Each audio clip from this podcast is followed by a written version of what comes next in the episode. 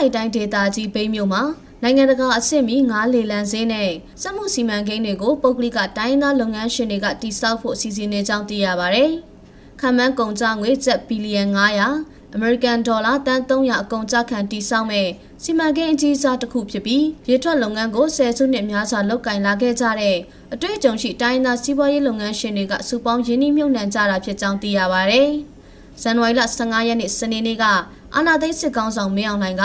ဗိမ်းမြို့ကိုရောက်ရှိစဉ်မှာအဲ့ဒီစီမံကိန်းတွေနဲ့ပတ်သက်ပြီးအဆိုပြုထားတဲ့ Big Corporation အများနဲ့သက်ဆိုင်သောကုမ္ပဏီ Limited အပါအဝင်ယင်းနှိမ့်မြုပ်နှံမှုလုပ်ငန်းရှင်တွေကရှင်းလင်းတင်ပြခဲ့ကြတယ်လို့သတင်းထုတ်ပြန်ချက်မှာဖော်ပြထားပါတယ်။ဗိမ်းမြို့ရဲ့နိုင်ငံတကာအဆင့်မီငါးလေလံဈေးနဲ့စက်မှုဆောင်စီမံကိန်းကို9နှစ်တာကာလအတွင်းအဆင့်၄ဆင့်ဖြင့်အကောင့်ထဲပေါ်မယ်လို့ဆိုပြုတဲ့လုပ်ငန်းရှင်တွေဘက်ကတင်ပြထားပါတယ်။ 2028ခုနှစ်မှာအပီးအစီဆောင်ရွက်ဖို့အဆိုပြုတင်ပြခဲ့ကြတယ်လို့ဆိုပါတယ်။ပထမအဆင့်အနေနဲ့666ဧကမှာစိတ်ခံတရားတွေတိစောက်ဖို့အစီအစဉ်ရှိပြီးကန်းနီးနဲ့ကန်းဝေးလေပေါင်း2000ကျော်လောက်စိုက်ကတ်နိုင်မဲ့စိတ်ခံတရားများကိုစောက်လုပ်သွားမှာလို့ဆိုပါတယ်။ကျန်တဲ့အဆင့်တွေမှာငါးလေလံဈေးတွေနဲ့ငါးပြုတ်ပြင်ထုတ်လုပ်ရေးစက်ရုံတွေရေလုပ်ငန်းနဲ့ဆက်ဆက်တဲ့အခြားစက်ရုံတွေပါတဲ့စက်မှုစုံကိုတိစောက်မယ်ဆိုတာတင်ပြထားတယ်လို့ငါးလုပ်ငန်းဦးစီးဌာနမှသိရပါဗျ။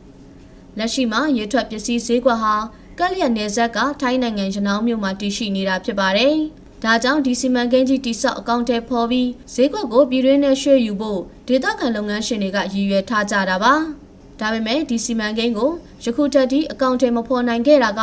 လျှက်စစ်မီခက်ခဲကြောင့်ဖြစ်ပါတယ်။လက်ရှိမှာမီးစက်နဲ့မောင်းပြီးလျှက်စစ်ကိုသုံးနေရတဲ့အတွက်ရနောင်းဘက်နဲ့ဘလို့မှရှင်းမရတဲ့အခြေအနေဖြစ်နေတာပါ။ဒါကြောင့်လက်ရှိတိုးချက်တိဆောက်နေတဲ့ မဟာဓာတ်လိုင်းကနေလျှက်စစ်ဓာတ်အားတွေဒီစီမံကိန်းမီရရှိနိုင်ဖို့ယင်းနှိမ့်နှံသူတွေကလိုလားနေကြပါတယ်။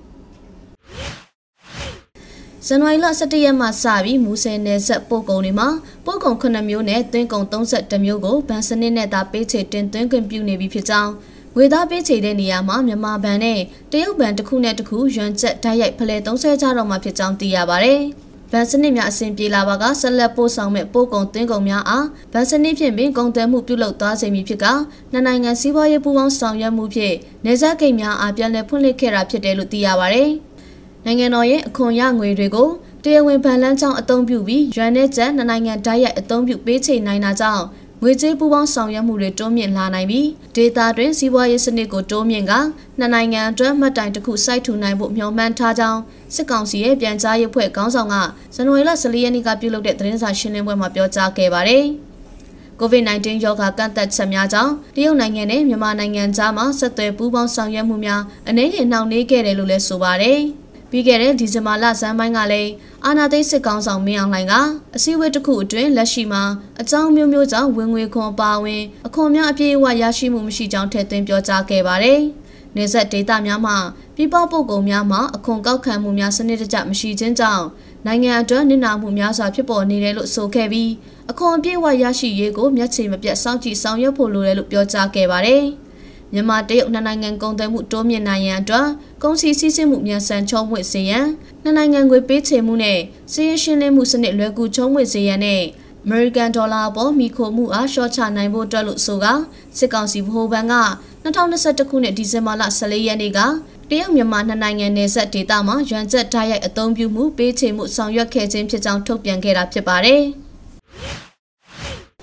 တနင်္သာရီတိုင်းဒေသကြီးဒဝယ်မြို့မှ22မိုင်ခန့်အကွာဖောင်းတော်ချောင်းမှာရေအားလျက်စစ်အစစ်မြင့်တင်ခြင်းနဲ့ရေအားလျက်စစ်ထုတ်လုပ်ရေးစီမံကိန်းအတွက်ပြည်တွင်းပြည်ပကုမ္ပဏီတွေကိုရှင်ပြိုင်စနစ်ဖြင့်တင်တာခေါ်ယူထားပါတယ်။စီမံကိန်းအတွက်ပြည်မြောက်နိုင်စွမ်းရှိမရှိစူးစမ်းလေ့လာမှုတွေပြုလုပ်ဖို့ပန်းသိန်ကြီးစွမ်းအင်ကုမ္ပဏီကိုလောက်ကင်ခွင့်ပြုခဲ့ပြီးနိုဝင်ဘာလကုန်ပိုင်းမှာ MOU ရေးထုတ်ခဲ့ပါတယ်။တင်းနိုင်တိုင်းဒေသကြီးဒဝယ်မြို့နယ် ဖောင်းတော်ချောင်းကျေးရွာအုပ်စုဖောင်းတော်ချောင်းမှာတည်ရှိတဲ့ရေအားလျက်စစ်စီမံကိန်းက1939ခုနှစ်ကစတင်လဲပတ်ခဲ့တာကြောင့်ယခုအခါစွမ်းအားပြည့်လဲပတ်နိုင်ခြင်းမရှိဘူးလို့သိရပါဗျ။ပြီးခဲ့တဲ့ရက်ပိုင်းကလည်းလင်းနိုင်မြဝန်းဒေတာမှာရေအားလျက်စစ်စီမံကိန်းအသစ်၄ခုအတွက်ပနာမစူးစမ်းလေ့လာမှုတွေဆောင်ရွက်ပြီးစီမံကိန်းဖြစ်မြောက်နိုင်စွမ်းလေ့လာခြင်းလုပ်ငန်းတွေဆောင်ရွက်သွားမယ်လို့ပြောကြားထားပါတယ်။ဒင်းသာမြစ်အတွင်းရေအားလျက်စစ်ထုတ်ယူနိုင်တဲ့နေရာများစွာရှိနေပြီး NLD အစိုးရလက်ထက်မှာအသေးစားရေအားလျက်စစ်ထုတ်ယူဖို့တိုင်းဒေသကြီးအစိုးရနဲ့နားလည်မှုစာချုပ်လောက် MOU ရေးထိုးထားတဲ့ကုမ္ပဏီ18ခုထိရှိခဲ့ပါတယ်။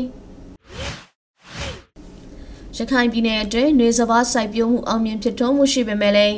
ရေလုံလောက်စွာမရရှိခြင်းကြောင့်နေစဘာစိုက်ပျိုးမှုနှဲပါလာနေကြောင်းရခိုင်ပြည်နယ်အတွင်းကတောင်သူများထံမှသိရပါဗျ။ ရခိုင်ပြည်နယ်မှာနေစဘာစိုက်ပျိုးမှုနှဲပါခြင်းဟာလိုအပ်တဲ့ရေများကိုဆယ်မြောင်းများနဲ့မြစ်ရေဆယ်များမှမရရှိခြင်းကြောင့်ဖြစ်တယ်လို့တောင်သူတို့ကပြောပါတယ်။ရခိုင်ပြည်နယ်မှာစဘာစိုက်ဧက၈သိန်းခွဲရှိပြီးနှွေစဘာကိုကြောက်တော်တန်တွေမင်းပြမြောက်ဦးစတဲ့မြို့နယ်တွေမှာစိုက်ပျိုးကြကြောင်းနှွေစဘာကိုတောင်သူများကစီးပွားဖြစ်စိုက်ပျိုးလက်ရှိကြောင်းသို့သောယခုနှစ်မှာရေမလုံလောက်မှုကြောင့်စိုက်ပျိုးမှုနှဲပါလာနေကြောင်း ရခိုင်ပြည်နယ်လုံးဆိုင်ရာတောင်သူလယ်သမားသမဂ္ဂထံမှသိရပါဗျ။စဧကတသိန်းကျော်ရှိတဲ့ကြောက်တော်ဒေသမှာနှွေစဘာကိုပြီးခဲ့တဲ့နှစ်ကဧက3000ကျော်စိုက်ပျိုးပေမဲ့လည်းယခုနှစ်မှာတော့ဧက900ကျော်သာစိုက်ပျိုးကြကြောင်းသိရှိရပါတယ်။ရခိုင်ပြည်နယ်မှာတိုင်းချောင်းရေလောင်တမန်ငပလီရေလောင်တမန်ခမီးကျိန်ချောင်းရေလောင်တမန်ပါဝင်ဆယ်နဲ့ရေလောင်တမန်10ခုကျော်ရှိကြောင်းစီးရင်များရသိရပါတယ်။ ပြားရည်ထွက်နှုံကြဆင်းနေတာကြောင့်ပြားရည်ဈေးနှုန်းတွေပြီးခဲ့တဲ့နှစ်ကထက်မြင့်တက်နေတယ်လို့မကွေးတိုင်းပုဂ္ဂလိကပြားမွေးမြူရေးလုပ်ငန်းရှင်များအသင်းမှသိရပါဗျ။အခုနှစ်မြေပဲနှမ်းနဲ့ဇီးပန်းပွင့်ချိန်တွေမှာယာတီဥရုအခြေအနေကြောင့်ပြားရည်ပုံမှန်ထက်၃ပုံတပုံခန့်အထွက်နှုံကြဆင်းခဲ့ပြီးလက်ရှိနေကြရာသီမှာလည်းစိုက်ပျိုးမှုနည်းတာကြောင့်ပြားရည်ထွက်နှုံသိမ့်မကောင်းဘူးလို့ဆိုပါတယ်။ပြားရည်ဈေးနှုန်းတွေကတော့မြေပဲနှမ်းရာသီချိန်မှာ1လီတာတပူးကို2200ကျပ် ဇီးပန်းရာသီချိန်ကဇီးပြားရည်ဈေးကတော့2200ကနေ2600ကျပ်ထိရှိခဲ့ပြီးလက်ရှိနေကြပြားရည်ဈေးကတော့3500ကျပ်ရှိပါတယ်။ကိုဗစ်ကာလမှာပြားရည်ကိုစနစ်တကျစားသုံးတက်လာတာကြောင့်ပြည်ရင်းစားသုံးမှုမြင့်မားလာပြီးဈေးတက်ရခြင်းဖြစ်ကြောင်းသိရပါတယ်။ပြည်ပဝယ်လက်များထံမှကမ်းလှမ်းမှုများရှိပေမဲ့လည်းကိုဗစ်တတိယလိုင်းအတွင်းလမ်းမဆက်သွယ်ရေးအခက်အခဲများကြောင့်ပြားရည် export တင်ပို့မှုရပ်ဆိုင်းထားရကြောင်းကိုရိုင်းပြောင်းမွေးမှုထုတ်လုပ်သူများကဆိုပါတယ်။ မြန်မာနိုင်ငံမှထွက်ရှိတဲ့ပြားရည်များကိုပြည်ပဈေးကွက်အနေနဲ့ဂျပန်နိုင်ငံနဲ့ UAE နိုင်ငံများသို့အဓိကတင်ပို့ရောင်းချနေပြီးမလေးရှားနိုင်ငံနဲ့တခြားအိန္ဒိယနိုင်ငံအချို့တို့လည်းတင်ပို့ရောင်းချကြောင်းသိရပါတယ်။တရုတ်နိုင်ငံကလည်းသူတို့နိုင်ငံအတွင်းမှာပြားမွေးမြူရေးလုပ်ငန်းတွေရှိတာကြောင့်မြန်မာဘက်ကနေပြားရည်မွေယူတော့ကြောင်းဇီးပြားရည်ကိုတော့ဆေးဘက်ဝင်လာရဲ့အိတ်ခဲခြင်းမရှိတာရဲ့ကြောင့်စိုက်နှစ်သက်သည့်အတွက်အနှဲငယ်ဝယ်ယူတာမျိုးရှိခဲ့ကြောင်းပြီးခဲ့တဲ့နှစ်ကမြေပဲနှမ်းပြားရည်ကို1လီတာ2000ကျပ် ဇီးပြားရည်က2400ကျပ်နဲ့နေကြပြားရည်က3000ကျပ်ဈေးတွေရှိခဲ့တယ်လို့ဆိုပါတယ်။နေကြပြားရည်ကတော့နိုင်ငံခြားတင်ပို့တာကြောင့်ဈေးနှုန်းပုံမမြင့်မားတာဖြစ်တယ်လို့သိရပါတယ်။အာနာသိစစ်ကောင်စီကပြန်လည်ဖွင့်လှစ်ခဲ့တဲ့စိုက်ထီယိုစီဒီမှာခီးသွွားဖျားမှုဧည့်သည်ဝင်ရောက်မှုနှဲပါနေတဲ့အတွက်ကြောင့်စားတောက်ဆိုင်ပါဝင်ဈေးဆိုင်ခန်းတွေအယောင်းဝယ်မကောင်းဘူးလို့ဆိုင်ငန်းပိုင်ရှင်တွေကပြောပါတယ်။ ကိုဗစ်ကပ်ရောဂါနဲ့နိုင်ငံရေးအခြေအနေတွေကြောင့်လအတော်ကြာပိတ်ထားတဲ့ကြိုက်ထီယိုဖျားကိုစစ်ကောင်စီကပြီးခဲ့တဲ့အောက်တိုဘာလကစပြီးပြန်လည်ဖွင့်လှစ်ခိုင်းခဲ့တာဖြစ်ပါတယ်။ကြိုက်ထီယိုဇေဒီကိုပြန်လည်ဖွင့်လှစ်ခဲ့ပေမဲ့ဖျားဘူးဧည့်သည်ဝင်ရောက်မှုနည်းပါတာကြောင့်အရင်ကလိုစီကားမှုမရှိဘဲအယောင်းဝယ်မကောင်းတာဖြစ်ပါတယ်။ကြိုက်တီယိုတောင်ပေါ်ဈေးဆိုင်ခန်းတွေကိုစစ်ကောင်စီကတင်တာအခွန်ကင်းလွတ်ခွင့်ပင်းထားပေမဲ့ဆိုင်ခန်းတွေအနေနဲ့အရှုံးမရှိသလိုအမျက်လည်းမရှိတဲ့အတွက်စားဖို့လောက်သာရကြတယ်လို့ဆိုပါရယ်။ ဒါကြောင့်စားတောက်ဆိုင်အများစုဟာဆိုင်ဝန်ထမ်းတွေခေါ်ယူတာမျိုးမလုပ်ပဲမိသားစုဝင်တွေနဲ့သာလောက်ကင်နေကြတယ်လို့စားတောက်ဆိုင်ပိုင်ရှင်တူကပြောပါတယ်။ကြိုက်တီယိုစေဒီဟာနှစ်စဉ်ပြည်ရင်းပြည်ပဖျားဘူးဧည့်သည်တန်းနဲ့ချီလာရောက်တာဖြစ်ပြီးစစ်ကောင်စီလက်ထက်မှာတော့ဖျားဘူးဝင်ရောက်မှုတိတိတသားကျဆင်းနေတာဖြစ်ပါတယ်။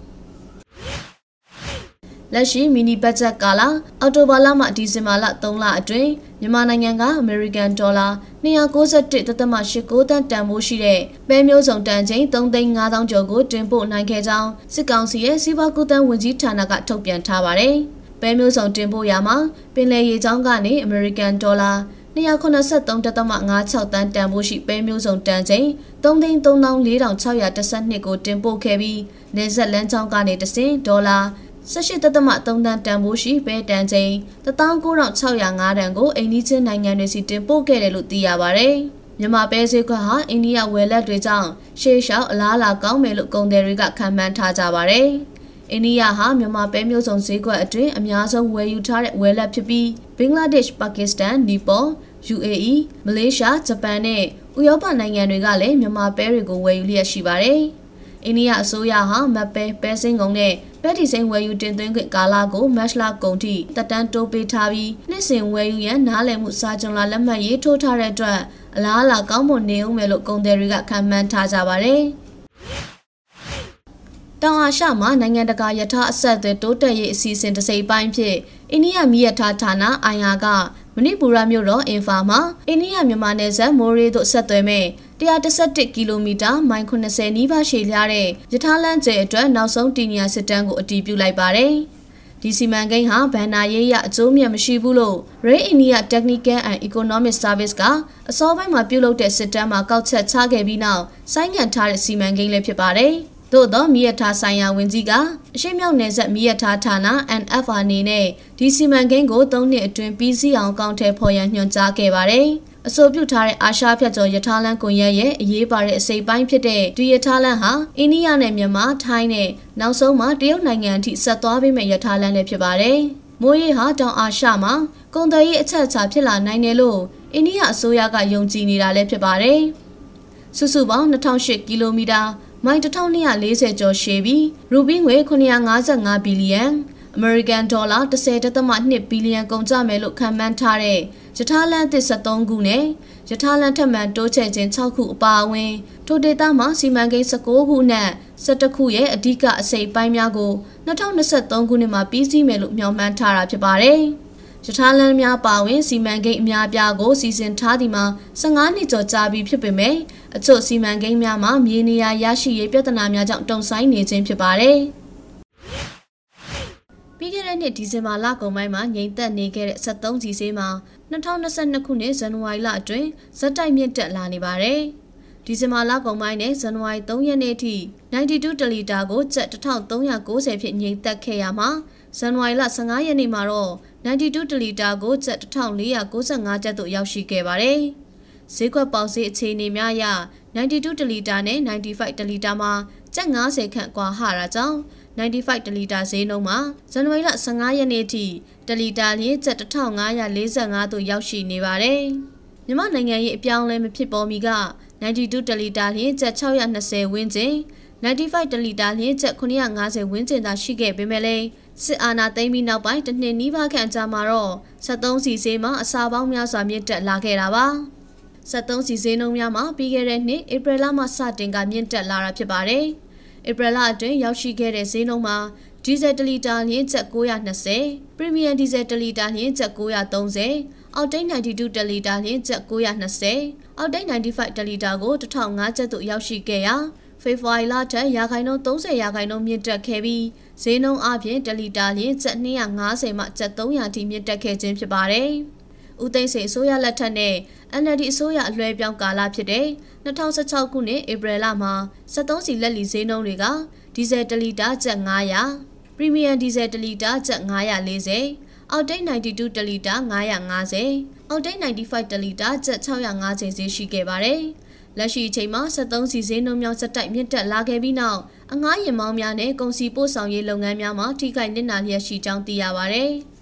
ကမ္ဘာ73စီဈေးမြင့်တက်မှုဒေါ်လာဈေးမြင့်တက်မှုများကြောင့်ပြည်တွင်း73စီဈေးမြင့်တက်လာခြင်းဖြစ်တယ်လို့သုံးသပ်မှုများလည်းရှိနေပါတယ်။ပြည်တွင်း73စီထုတ်လုပ်မှုမှာပြည်တွင်းသုံးစွဲမှုလုံလောက်မှုမရှိတာကြောင့်ပြည်ပမှမှာယူတင်သွင်းနေရဆဲဖြစ်တယ်လို့စစ်ကောင်စီကသတင်းစာရှင်းလင်းပွဲမှာပြောကြားထားပါတယ်။73စီဈေးနှုန်းကျဆင်းရန်အတွက်လို့ဆိုက